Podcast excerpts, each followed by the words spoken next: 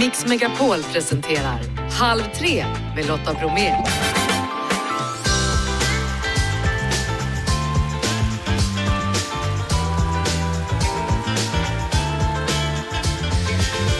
Hallå där och varmt välkommen in i Halv tre-studion. Ett glittrande vinterväder denna dag, solstrålar på ett vitt vintertäcke. I dagens torsdagsmix, Otto Drakenberg som försvarar människovärden i sportvärlden. Nu kommer nya kriminaldramat på SVT. Dagens gäst är Malin Levanon som spelar huvudrollen. Vad har egentligen Jon Henrik Fjällberg och Greta Thunberg ihop? Svar vid halv fyra. Nato håller ihop i krigstider, men vem är egentligen på Rysslands sida? Det reder vi ut. Vi kollar in helgens Oscarsnominerade filmer som du kan streama. Vi fixar också Barbies dag, för det är ju en sån dag idag. Och strax ska vi prata med Jenny Ulving som är med i nyaste dokusåpan Strandhotellet. Snacka om innehåll, nu kör vi! Hörrni, ni minns väl serier som Varuhuset, Rederiet eller Skilda världar? Strandhotellet hade nyligen premiär på Viaplay, en ny såpa då skapad av Camilla Läckberg. Och en av skådespelerskorna är Jenny Ulving McCabe och hon är kanske Sveriges första och största skådespelare i genren och gjorde succé på 90-talet i serien Vänner och fiender som Bella. Och eh, finns med oss nu då direkt ifrån Italien. Varmt välkommen till Halv tre! Tack så mycket! Hur har du det i Italien? Vad gör du? Ja, jag har det bra. Ja, det, det börjar bli vår här. Det är härligt. jag förstår, där har vi haft snöstorm i stort sett hela landet. det, ja, det är i och för sig också härligt. Snö. Bättre det. Hur har det varit att göra såpa igen? Det, eh, jag måste säga att det var en fantastisk upplevelse faktiskt. Mm. Det är länge sedan eh, gjorde det, men ja, nej, det kändes väldigt bra. Vad är det som är så härligt med den genren tycker du? Är det intrigerna och att man inte riktigt vet eller? Um, det är en väldigt bra fråga. Först främst tycker jag att på den här inspelningen så var det um, fantastiska skådespelare och regissörerna var um, riktigt bra och alla var väldigt trevliga. Och det är en trevlig, lite lättare stämning kanske än i andra produktioner. Mm. Vad kan du berätta Alla... om din karaktär Vendela? Vem är hon? Vendela är en konstnär som um, träffar Werner och uh, flyttar med honom till Saltsjöbik. Hon bor utomlands i Frankrike med sin mamma och har väl kanske lite um, um, vad säger man, hennes förflutna är kanske lite mörkt. Eller man är lite osäker på hur det ja, står till där. Ja. Precis. Eh, sen 2004 då så har du gjort sporadiska skådespelarinsatser kan man nästan säga. Hur, hur, väljer du vad du ska göra? Hur väljer du dina roller? Um, ja, jag, jag sa ju en del nej där när jag var, när jag var yngre till vissa roller och sådär. Um, jag gjorde mest en del film efter Vänner och fiender. Um, och då valde jag beroende på vem som ja, regisserade, vad det var för situation och vad, hur manuset var och sådär. Och om det lät som ett kul projekt. Och sen gjorde jag även teater. Och um, det var en fantastisk upplevelse. Mm. Det Om det här nu blir en succé, då kör ni vidare eller? Det brukar ju vara så med, med såpor. Ja, det tror jag. Jag tror att vi kör vidare. Ja, vad skönt. Då får du komma hem till kylan istället för att sitta där och mysa i Italien. Hörru. Ja, precis. Ja, nej, det var härligt att vara i Sverige, måste jag säga. Vad mm. kul. Men ha en eh, fortsatt trevlig år då i Italien, tills du kommer tillbaka. Ja, tack. Ja, tack, för att du var med i Halv tre. Hej! Tack Hej! Halv tre med Lotta Bromé på Mix Megapol.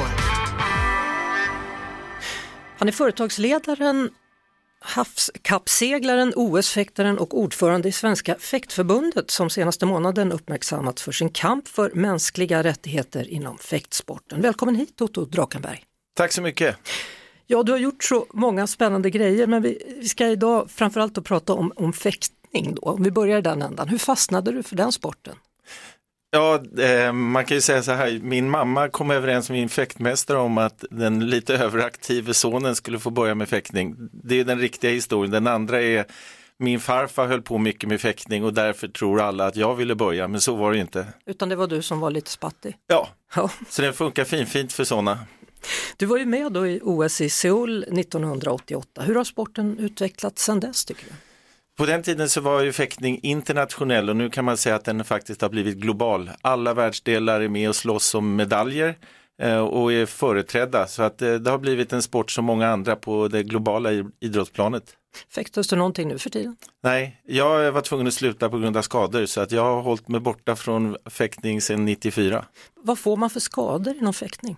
Ja, man kan faktiskt dra på sig en hel del. Jag har skador från tå till topp. Eh, och det är hälsenorna, det är knäna, det är händerna och höfterna. Sen så är det där olika för olika personer men eh, om man inte ser upp så kan det vara ganska skadebenäget. Om det gäller att ha bra fotarbete om jag fattat det rätt. Precis, och sen är ju fäktning också ganska asymmetriskt för du står ju inte som en fotbollsspelare rakt fram Nej. utan du står snett då i alla de där åren så det, det mm, ska man tänka över. Mm. Vad är tjusningen då? Ja, det som är häftigt med fäktning är ju att det både är massa fysik, eh, svett och muskler och sen så är det också väldigt mycket taktik. Man måste ha nerverna i spel och du är ju faktiskt fysiskt i kontakt med motståndaren. Jag tror det är kombinationen av de där två som gör att fäktning är häftigt. Mm. Vad kände du när du var yngre? Var, var det liksom lika lockande då med fäktningen? Eller?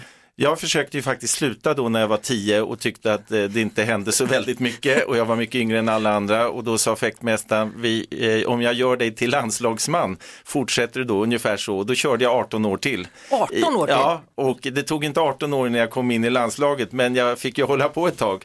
Men han väckte den där drömmen som finns ju hos många idrottspersoner och inte minst många idrottsungdomar och att få den chansen från någon som själv viger sitt liv till idrotten, det är, då får, kan man få ståpäls. Mm. Var har du alla dina medaljer och sånt som du har samlat ihop under åren? Jag åkte hem efter sista tävlingen som var Europamästerskapet 94 och samlade ihop sakerna i en par säckar och sen var jag på väg att slänga allt det där. Eh, för jag tänkte nu ska jag göra upp, jag ska inte bli en sån här föredetting idrottsperson.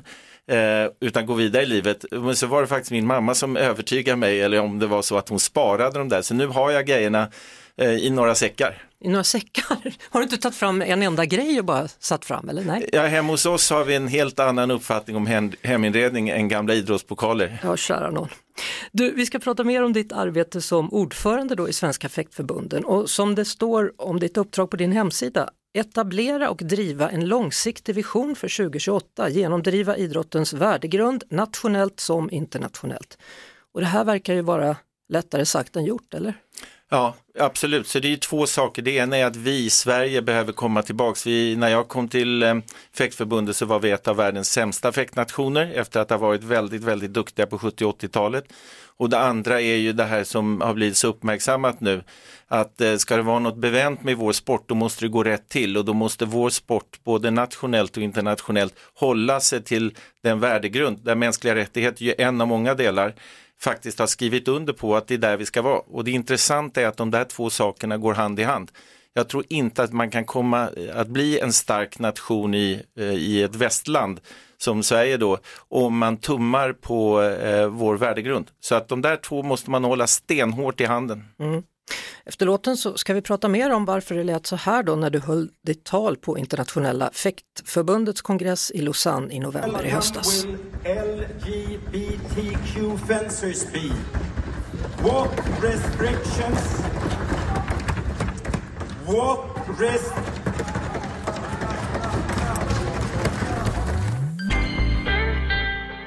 Och innan låten då Otto så fick vi höra dig bli avbruten eller störd under ett tal då på internationella fäktförbundets kongress i Lausanne i november. Vi går tillbaka dit. You should stop immediately.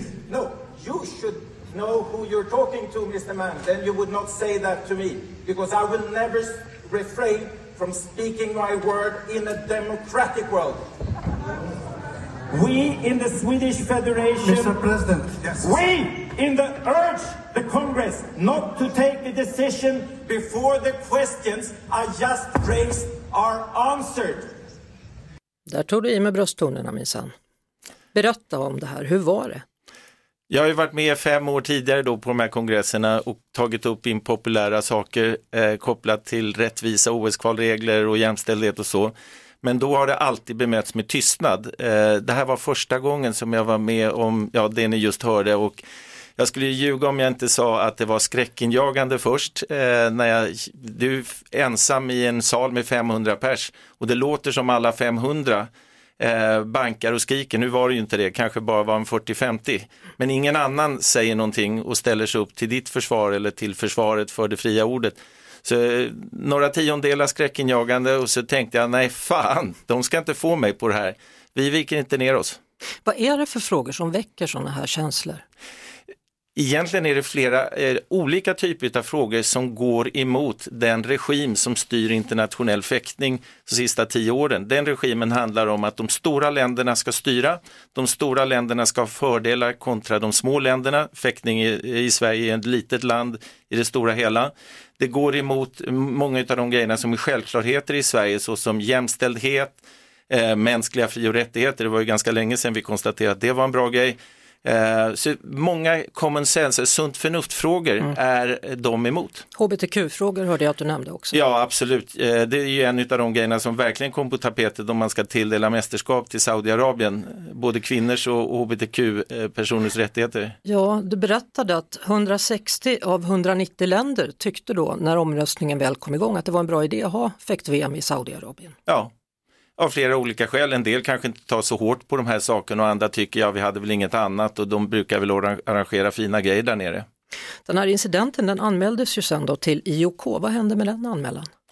Ja, det gick faktiskt bara några dagar innan de eh, käckt avvisade den för de tyckte att det där är en intern angelägenhet för, F eh, för internationella fäktförbundet så ni får väl anmäla dem till dem själva.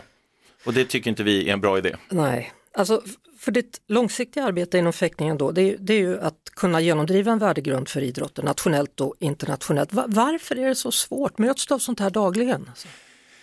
Eh, det är inte helt lätt hemma i Sverige heller, även om vi har kommit vansinnigt mycket längre än vad jag tycker man har gjort i internationell fäktning. Men vi tar frågan på allvar, eh, inte för att vi måste genom olika instruktioner från Riksidrottsförbund och stat och regering och så, utan för att vi har insett i fäktningen att det är det snabbaste sättet, inte bara det att det är rätt, utan det är också det snabbaste sättet till att få någonting som vi kallar för uthålliga resultat. Att alla ska ha möjligheten, då kommer det också bättre resultat för fler. Eh, så för oss är det självklart, inte för att vi måste utan för vi tror att det är den rätta och bästa vägen framåt. Mm. Men det är segt ibland och många blir upprörda på vägen och det har vi smakat på även här hemma och då måste man våga stå på sig även när det är obekvämt. Men nu är vi igen inne på det här med sportswashing då. Det var ju mycket prat om det förra året när det var fotbolls-VM också nere där i Saudiarabien och runt omkring där. Uh, är det sportswashing också inom fäktningen menar du? Absolut. Ah, vi, ser det i idrott efter idrott där de regimerna som inte ställer upp på allt det som FN och det vi inom EU tror på, ehm, för att rättfärdiggöra eller rättfärdiga sina system så är ju idrottstävlingar identifierade av den typen av länder som en av de bästa sätten på att visa att vi har ordning på torpet, hit gillar mm. folk att komma och, och, hålla på med aktiviteter och se så glada vi är när vi tittar på reklamfilmer från de här länderna. Så mer och mer kommer det finnas pengar från, i de länderna att arrangera tävlingar när vi andra, eh, kanske demokratier, har problem med inflation och ekonomi att få det att gå ihop då blir det ännu mer eh, tävlingar som tenderar att flyttas över dit. Mm. Det är helt fel. Så fotbolls-VM i Qatar och sen fäkt-VM i Saudiarabien? Ja, vi... två exempel. Det kommer komma många fler. Jaha. När gör du upp? Ger upp? Nej, det kommer jag inte göra. Jag eh, hoppas ju på att vi ska ha förbundsmöte här i helgen. Om jag blir omvald så kommer jag köra vidare och eh, jag viker inte ner mig så länge jag är med. Härligt. Tack för att du kom hit och berättade Otto Drakenberg. Hjälte är du. Tack så mycket. Halv tre med Lotta Bromé på Mix Megapol. Nu finns hon med mig i studion, Malin Levanon. Nu sa jag rätt va Malin? Ja! ja. Otroligt! Ja, man undrar ju liksom, Malin Levanon. Men, men, det är kul att du har landat i det namnet nu, för du har ju haft lite olika namn ja. under, under åren. Det här Vulkano som fanns en gång i tiden, var det taget skådisnamn eller hur tänkte ja, du? Ja, vet du, det tog ju jag på scen. Jag gjorde den här föreställningen, gud vad heter den, en monologföreställning om mediebranschen, där Malin Norberg dog, som jag är döpt till när jag var, eh, ja, Ja, när du var liten. Ja, precis. Ja. Eh, och det var väl 2005. Och då återuppstod Malin Vulcano. Ja men precis. När tog du död på den? Varmt, henne då? varmt berg. Eh, jag gifte mig. Ja. Och så, nu orkar jag inte byta längre. Nej. Så nu, så, nu så får det vara så här. har du Levanon. Ja. Du, imorgon så är det premiär för SVTs nya kriminaldrama då. Detektiven från Beledweyne. Beledweyne. Mm. Nu sa jag rätt. Ja, då. Så mycket svåra grejer att uttala här. ja. Eh, känns det kul? Ja jättekul. Det, det, och spännande. Det ska bli kul att se hur den landar för den är ju lite så här annorlunda. Den är annorlunda, men den är också ganska mycket nutid ändå känns det som. Att här är vi. Ja, Med flyktingar och allt vad det innebär. vi har ju haft 40 år av, av immigration liksom så att man, eh, det är ju ganska konstigt att man inte har sett de här miljöerna tidigare, tycker jag. Alltså, f- eller det känns ju väldigt nytt, fast det är, ja, Ja, du brukar ju ha roller, du har ju haft rätt tuffa roller som kriminella i Tjuvheder till exempel med hon, tjackhundaren där och så vidare. Men, men nu ska du vara åklagare. Mm. Här byter vi. Eller? ja. Eller vad hittar du för likheter i de rollerna? Oj, ja, likheter, oj, mellan de två. Hmm. Oj. Kanske inte Jag skulle, finns. nja, nja, jag funderar på, jag, den, det var en bra fråga för jag har inte tänkt på det. Eh, de har ju en framåtrörelse båda, de här rollerna, Mm. eh, skulle jag säga. Så det finns väl som likhet, om man ska hitta minsta gemensamma nämnare. Ja, och om vi då kort ska konstatera då att det handlar om sex avsnitt, det är tre brottsfall, så varje fall har då två avsnitt. Mm. Så, så det kan ju bli en fortsättning på det här om det blir en succé, det förstår man ju med en gång. Det hoppas jag. Det Ja. hade ju varit jätte, jätteroligt. För när man lär känna de här karaktärerna så då, det är ju otroligt mycket man måste vänja sig vid i början. Första avsnittet, då sitter ju till och med jag som har gjort det här och bara Nej men gud, kan man göra sådär? Men gud, alltså, det är så skavigt och det är, man, det är mycket nytt att vänja sig vid. Det är liksom hur de ser ut. Eh, jag har aldrig sett en kvinna 40 plus alltså, spela den här typen av krimroll. Eller jag har liksom aldrig sett de här figurerna och inte hans roll heller som, eh, som eh, asylsökande. Så att man... Eh, Om man- vill ju- ja. Ja, jag bara tänkte, om man kort ska säga vad det handlar om då så är du åklagare, du kommer till en flyktingförläggning, det är ett barn som har försvunnit därifrån. Och sen upptäcker du att det finns en man som ska utvisas där, man vet inte var han kommer ifrån, men han är otroligt duktig och har blick för både brott och ledtrådar. Mm. Och då tänker du som den här åklagaren då att Nej, så här är det. Okej, bra att du förklarar då. Tilda Renström, hon är, åkla- det är du. hon är åklagare, Ja. men hon har fått sparken. Ja. Och, för hon har tänjt lite på gränser, och lagar och regler. Eh, och det är inte av elakhet utan det är att hon, hon går, hon tar den närmaste vägen från punkt A till punkt B och ibland så innebär det att stretcha lite på gränserna. Vilket gör att hon förlorar jobbet, gör en ordentlig karriärresa ner då. Alltså hon eh, tappar ju all värdighet, blir handläggare på Migrationsverket som, eh, som, som är, ja, hon vill ju inte vara där men eh, ja, det, det start, skapar ju ett driv att få tillbaka sin sociala status och ta sig därifrån. Och så träffar hon till slut en man då som ska utvisas och han är oerhört bra på det här med eh, ja, brott och ledtrådar och så börjar de jobba tillsammans. Mm. Mm. Bara det, vilken plott. Ja, det, de, mm. Eh, Jag, jag är lite fascinerad över att du alltid när du går in i en roll, du gör det verkligen helhjärtat. Hur var det den här gången att gå in och bli åklagare?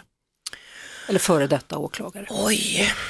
Eh, jo men det var en rolig värld att röra sig i men framförallt har vi jobbat väldigt mycket på tonen i den här produktionen så att, för den har ju ett allvar i botten, mycket eh, drama, karaktärsdrivet drama men den har ju också en komisk eh, eh, sida som växer fram ju längre, mer man lär känna karaktärerna. Och den är ibland det svåraste man kan göra som skådespelare, eller ja, mm, i helhet skulle jag säga för att det är så enormt känsligt med komik liksom och framförallt när det är de här minerade, den minerade världen som man törs ju knappt prata om de här ämnena. Eh, så att det, Du pratar det, om invandrare och flyktingar, det är det Ja, du menar när du precis. säger minerad värld. Ja, precis, eller att det har varit så ganska länge. Så att landa rätt där i tonträff när man leker med komedin, det är jätte, jättesvårt. Ehm, men jag tycker vi har landat på en bra nivå. Eh, så jag hoppas ju att folk kikar på den här serien Det, ja. Mm. Vad, vad, jag tänk, vad jag tänkte på när jag sa att du alltid går in i hundra, alltså jag tänker till exempel på, på filmen då Tjuvheder som du fick, vann en Guldbagge för, då slog du av din tand medvetet, var det så? Eller jag slog inte av Nej. den, jag bad en, eh, en Tandläkare. tandläkare borra av den. Men det var en fejktand för jag, jag hade en skadad som jag fixade, alltså en sån här Aha. snygg fixad från en hästolycka. Men det är många ändå som bara, hur kan hon tänka sig att göra det? Ja, Men det var självklart för dig att, att Jo, visa jag med hjälp av tänderna, en markör. Det så? ja jo, men så är det. Ja. Absolut. Ehm, det är ju alltid jobbigast privat sådana där saker. Alltså i det fallet den gången då var det ju otroligt eh, när man var ute, när man var ledig från Mm. att filma om, på gatan och man träffade kollegor eller ja, bekanta. Då trodde ju de att jag hade fått spö. Eh, så stirrar jag jätteilsket då på min exman som är supersnäll, alltså han är en jättefin person. Men och inte säga någonting och jag hade en liten nyfödd bebis liksom. Men att de tror då att det ska räcka att stirra på den här mannen att, som att han har spöat mig. Och det var ju så här, men jag filmar, jag har gjort det här för en roll. De bara, ja ja, ja ja. Men, men alltså, och det kan jag vara så här, oj, och det var en sån, eh, sån ögonöppnare att är det så här misshandlade kvinnor på riktigt har det? Så det är ju vidrigt att ingen då, vill du komma hit, ska vi hjälpa dig, ska vi ta dig till ett boende, vill du ha någonstans att bo? Eller liksom vill du ha, kan vi göra något, eh, ska jag hjälpa dig att göra en polisanmälan, någonting, alltså att man, om man nu förutsätter att, den, att hon har fått, Stryk, ja. Ja. ja. då, Då blänger man bara. precis, så det, nej men det var en ganska intressant upplevelse just med det där med tanden. Men eh, för Ja. rollen var det ju eh, klockrent. Och sen sov du fängelse. Ja. Ja. Var det samma roll? ja, Ja. Och sen så gick du upp 11 kilo, men det var inte den va? för den här. Ja, det är för den. Ja, det är för den nuvarande. Ja. Varför då? Eh, för att det passar rollen. Hon är ingen eh, tuff eh, sån här eh, krimsnärta som springer runt och leker pang-pang liksom. Utan hon, är, hon har pondus och hon har inte tid att springa på gym. Hon eh, tar en kexchoklad när hon är stressad och Alltså det, hon, det blir ju, hon, hon, jag tycker det passar rollen väldigt bra med lite extra kropp liksom. Känns inte så skådisaktig liksom. Kul hur du tänker.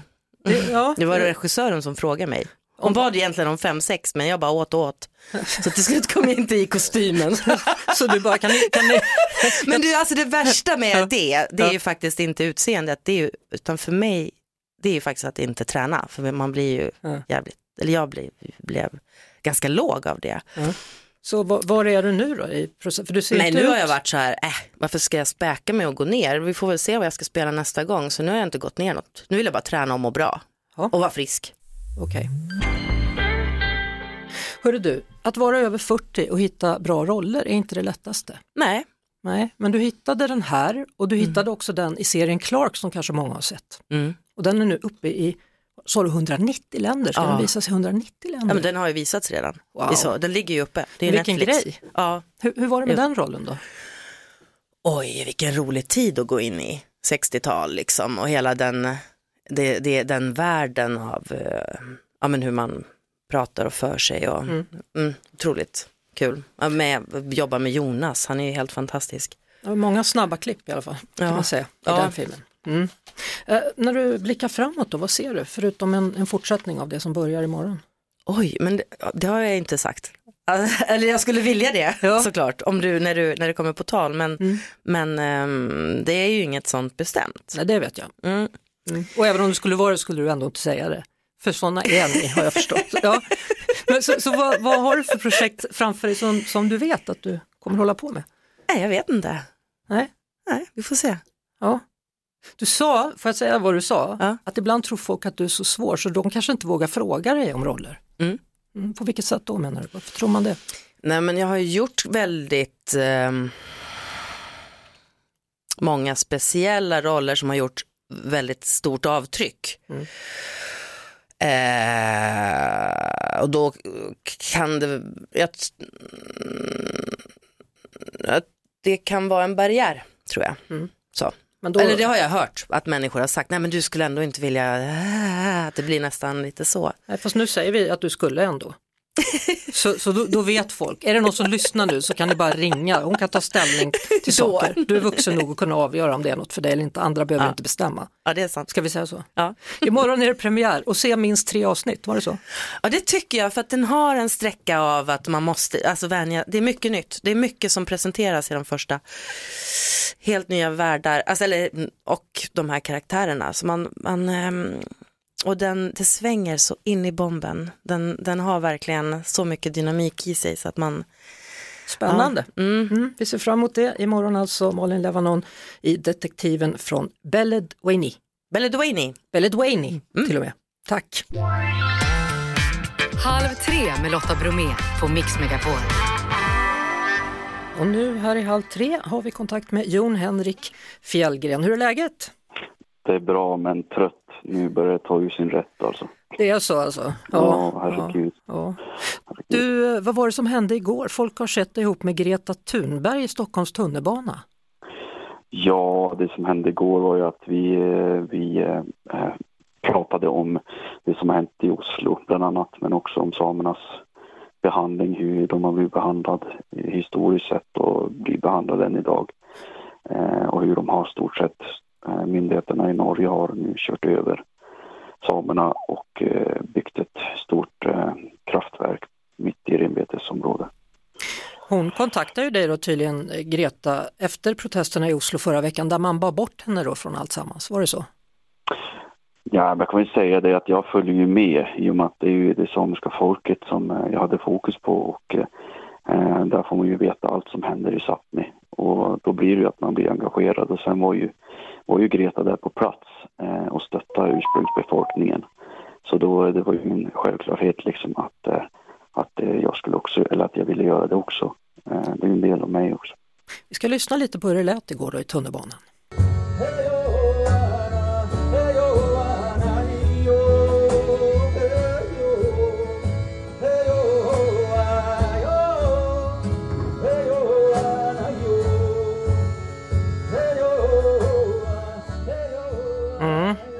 Jon Henrik, vad sa de då, tunnelbaneresenärerna? Stannade de upp mitt i all stress?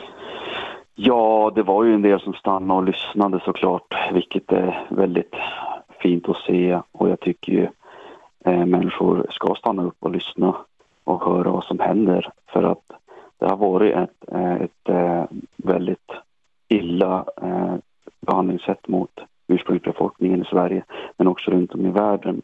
Så det här är någonting man borde ha tagit tag i för länge sedan tycker jag och det är ingen av oss som egentligen vill sitta där och protestera, protestera, protestera. Utan det är någonting vi känner att vi måste göra det tydligen innan vi, vi ska bli hörda och det ska bli förändring. Så det är jättekonstigt att vi ska behöva hålla på så. Mm. Ni började då igår i Tensta och sen åkte ni med tunnelbanan in mot stan, Tensta, T-centralen, Gamla stan och Östermalmstorg då var det som fick besök av hennes ord och din jojk igår då. Eh, handen på hjärtat, var det skönt med ett avbrott från Melloyran? Ja, jag, jag brinner ju väldigt mycket för det här och det här är ju någonting som jag alltid kommer att stötta den samiska ursprungsbefolkningen. Så då spelar det ingen roll vad jag, vad jag är i så är det det jag kommer alltid liksom strida för och kämpa för. Mm. Eh, så är det. Du sa ju när du var här häromdagen att det här var din sista melodifestival. Blir det mer av det här slaget då, att, att kämpa för samernas rättigheter i framtiden? Ja, men jag vill ju helst inte behöva kämpa för samernas rättigheter. Så att jag tycker att eh, vi ska ha eh, våra rättigheter på vår sida. Det har vi ju inte. Utan vi har ju blivit som sagt undantryckt gång på gång på gång. Så att jag hoppas att det blir en bättre framtid för alla, eh, alla samer och ursprungsbefolkningar runt om i, runt om i världen. Stort tack Jon Henrik Fjällgren och lycka till ändå då på lördag när det är final i Melodifestivalen. Tack så hemskt mycket. Halv tre med Lotta Bromé på Mix Megapol. Kriget i Ukraina fortgår och i natt drabbades Ukraina av flertalet robotanfall då från Ryssland. Det var ihärdigare än det har varit på tre veckor. Och i väst så pågår NATO-samtal som ett led i att enas mot Ryssland. Men hur ser det egentligen ut med Rysslands relationer då till länder utanför konflikten? Med oss nu Hugo von Essen som är analytiker på Utrikespolitiska institutet. Vilka relationer har och är viktigast för Ryssland? Ja, Ryssland har inte jättemånga relationer men eh, man har några ganska nära, till exempel Iran och Nordkorea. Men den som är kanske viktigast såklart är ju eh, Kina som är den stora samarbetspartnern som har hållit Ryssland flytande på många sätt under kriget. Eh, alltså det pratats om då att Kina har försett Ryssland med vapen, är det så? Ja, alltså det har kommit rykten nu på sistone om att Kina skulle öka sitt militära stöd till Ryssland till exempel genom vapensystem. Kina har ju inte ännu gett direkt militärt stöd genom ammunition eller vapen eller så. Däremot har man stöttat Ryssland indirekt genom att skicka olika reservdelar eller metaller som används i den ryska försvarsindustrin eller mikrochips och annan känslig teknologi. Så på så sätt har man ju hjälpt Ryssland och det man är rädd för i västvärlden är ju nu att Kina ska istället gå upp och ge direkta vapensystem till Ryssland. Hur har relationen sett ut till Kina genom åren? Ja, alltså relationen har ju gått upp och ner men, under, under lång tid men man kan säga att de senaste decennierna har relationen förbättrats väldigt mycket och den här utvecklingen har fortsatt väldigt starkt under kriget. Eh, Kina har ju liksom lyckats fylla tomrummet på många sätt som, som har lämnats i Ryssland efter västvärldens uttåg efter alla sanktioner och under krigets gång har relationen förbättrats politiskt, diplomatiskt, även militärt vilket syns i övningar och teknologiskt samarbete och så vidare. Samtidigt så pratar då både Biden och NATO om att om nu Kina gör allvar i det här och skickar ännu fler tydligare vapen eller hela vapen och inte bara delar, då kan det tredje världskriget vara igång. Ja, precis. Det är ju väldigt mycket som står på spel här och det vet ju Kina om också. Kina går en ganska snårig balansgång eh, där man vill stödja Ryssland eh, men man vill samtidigt inte riskera sina relationer med västvärlden eller sitt globala anseende som en ansvarsfull global spelare. Så därför försöker Kina stödja Ryssland så mycket man kan utan att man går över några röda linjer hos västvärlden. Så vad tror du? Vad kommer hända? Jag tror, att, jag tror att relationen kommer att fortsätta utvecklas. Jag tror att Kina kommer försöka stödja Ryssland mer och mer men jag tror inte att man kommer eh, gå in och, och ge stort militärt direkt stöd. Men kanske att man kommer fortsätta eh, bryta sanktionerna ännu mer, absolut.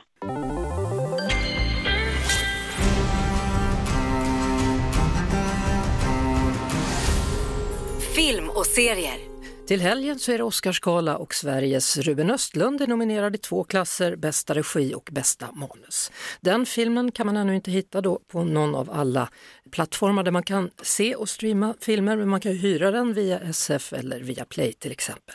Men det finns faktiskt fler filmer som är Oscarsnominerade som man kan se, eller hur? Jonathan Blomberg från Moviescene. Ja, det stämmer. Det finns ett helt gäng och Ruben Östlund, precis som du nämnde, det är ju bästa originalmanus, bästa regissör, men han har ju även lyckats få in Triangle of Sadness som bästa film. Det är ju ingen som tror att den kommer vinna, men det är ändå en fjäder i hatten för honom. Ja, verkligen. Om vi kollar då på de eh, streamingtjänster som har filmer som man kanske skulle vilja eh, vara intresserad av så kan man väl konstatera att Viaplay, de har Everything All At Once, 11 nomineringar den är ju den som allra, allra flest tror ska vinna nu här under helgen. Everything, Everywhere, All at Once. Vad tycker du om den filmen? Ja, det är faktiskt en av mina favoriter som jag har sett eh, här nu från förra året också, så jag hoppas lite att den ska ska vinna. Den, den är sådär härligt annorlunda och kul att se på. Ja, man kan väl konstatera att det liksom är saker som sker i parallella universum, i parallella tidszoner. Så att eh, man gör bäst i att vara ganska koncentrerad när man ser den här filmen. Tittar man bort då har man missat en jäkla massa. Precis.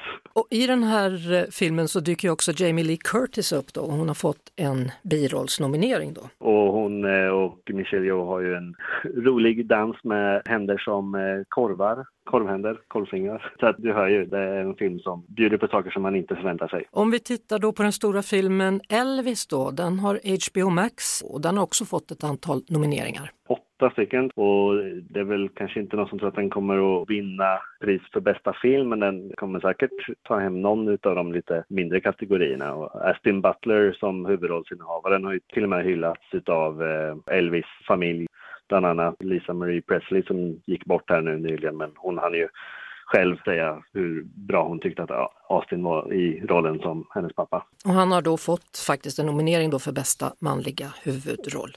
Vi går vidare då till Netflix som har flera filmer då. Vi börjar med den som har fått allra flest nomineringar, hela nio stycken, På västfronten inte ett nytt. Är det en bra film? Det är en jättebra film. Krigsfilmen brukar ju gå hem på Oscarsgalan och hade det inte varit för Everything Everywhere All At Once så tror jag att det här kanske hade kunnat vara den här som hade kunnat bli Netflix eh, första vinst i bästa filmkategorin men nu är de väl inte ta hem den. Men den är absolut sevärd och den har ju funnits där ett tag nu så att förhoppningsvis så är det många som har hunnit ge den en chans i alla fall. Den kanske tar i alla fall då bästa utländska film för den är ju nominerad i den kategorin också. Det är inte helt omöjligt nej. Och sen hittar vi en som är nominerad till bästa animerade film. Det handlar om Pinocchio. Det stämmer och då ska vi inte blanda ihop den med den Pinocchio-filmen som Disney Plus släppte förra året som inte alls var lika bra. Men det här är Guillermo del Toro som har gjort och eh, den är lite annorlunda, annorlunda, lite läskigare kanske men eh, väldigt, väldigt välgjord och helt klart sevärd. På samma kanal då, Netflix, finns också Blond som har nominerats till bästa kvinnliga huvudroll. Jag försökte titta på den filmen, jag tyckte ärligt talat inte om den. Det är väl många som har känt ungefär, ungefär som, som dig där. Den är väldigt lång och det är väl lite mycket exploatering utav Marilyn Monroe. Men huvudrollsinnehavaren där gör ju ett väldigt bra jobb. Men det är väl det enda man kan säga om den filmen. Vi nämnde ju då Ruben Östlund som är nominerad i några klasser, men det finns ytterligare en svensk som du vill slå ett slag för. Ja, och det är ju Ludvig Göransson som har skrivit eh, låten Lift Me Up som man kan höra när man tittar på Black Panther Wakanda Forever som finns på Disney+. Filmen i stort har väl inte knipit jättemånga nomineringar men låten, det är inte helt omöjligt att han kniper en statyett här. Får göra som så att vi lyssnar på den då. Det tycker jag. Tack så mycket för denna gång, Jonathan Blomberg från Moviesin. Tack så mycket för att du fick vara med. Halv tre med Lotta Bromé på Mix Megapol. Idag så är det den internationella Barbie-dagen och med mig på telefon nu är en av Sveriges främsta samlare av Barbie-dockor, nämligen Kerstin Bergström som också är sekreterare i Barbie-ringen. Varmt välkommen, hallå! Tackar! Ja du, hur många Barbie-dockor har du? ja, det var länge sedan jag räknade men det är väl ungefär 400. 400 stycken, hur länge har du samlat dem då? Ungefär 30 år. Ja, man ska ju inte fråga om en kvinnas ålder då, men jag tänker att du i alla fall var lite liten när du började, eller? Ja, nej, jag var väl 30. Var du 30 när du började samla dockorna? Ja, ja ungefär. Va varför då? För jag tyckte det var kul. Ja. Jag lekte mycket med Barbie när jag var liten och sen brukade jag gå och titta på dem. När man var i någon affär de hade Barbie. Och sen sa min man att kan du inte börja samla på dem, sa han. Ja. Ja, det kan jag göra, sa jag. Så gjorde jag. Och var har du dem nu då?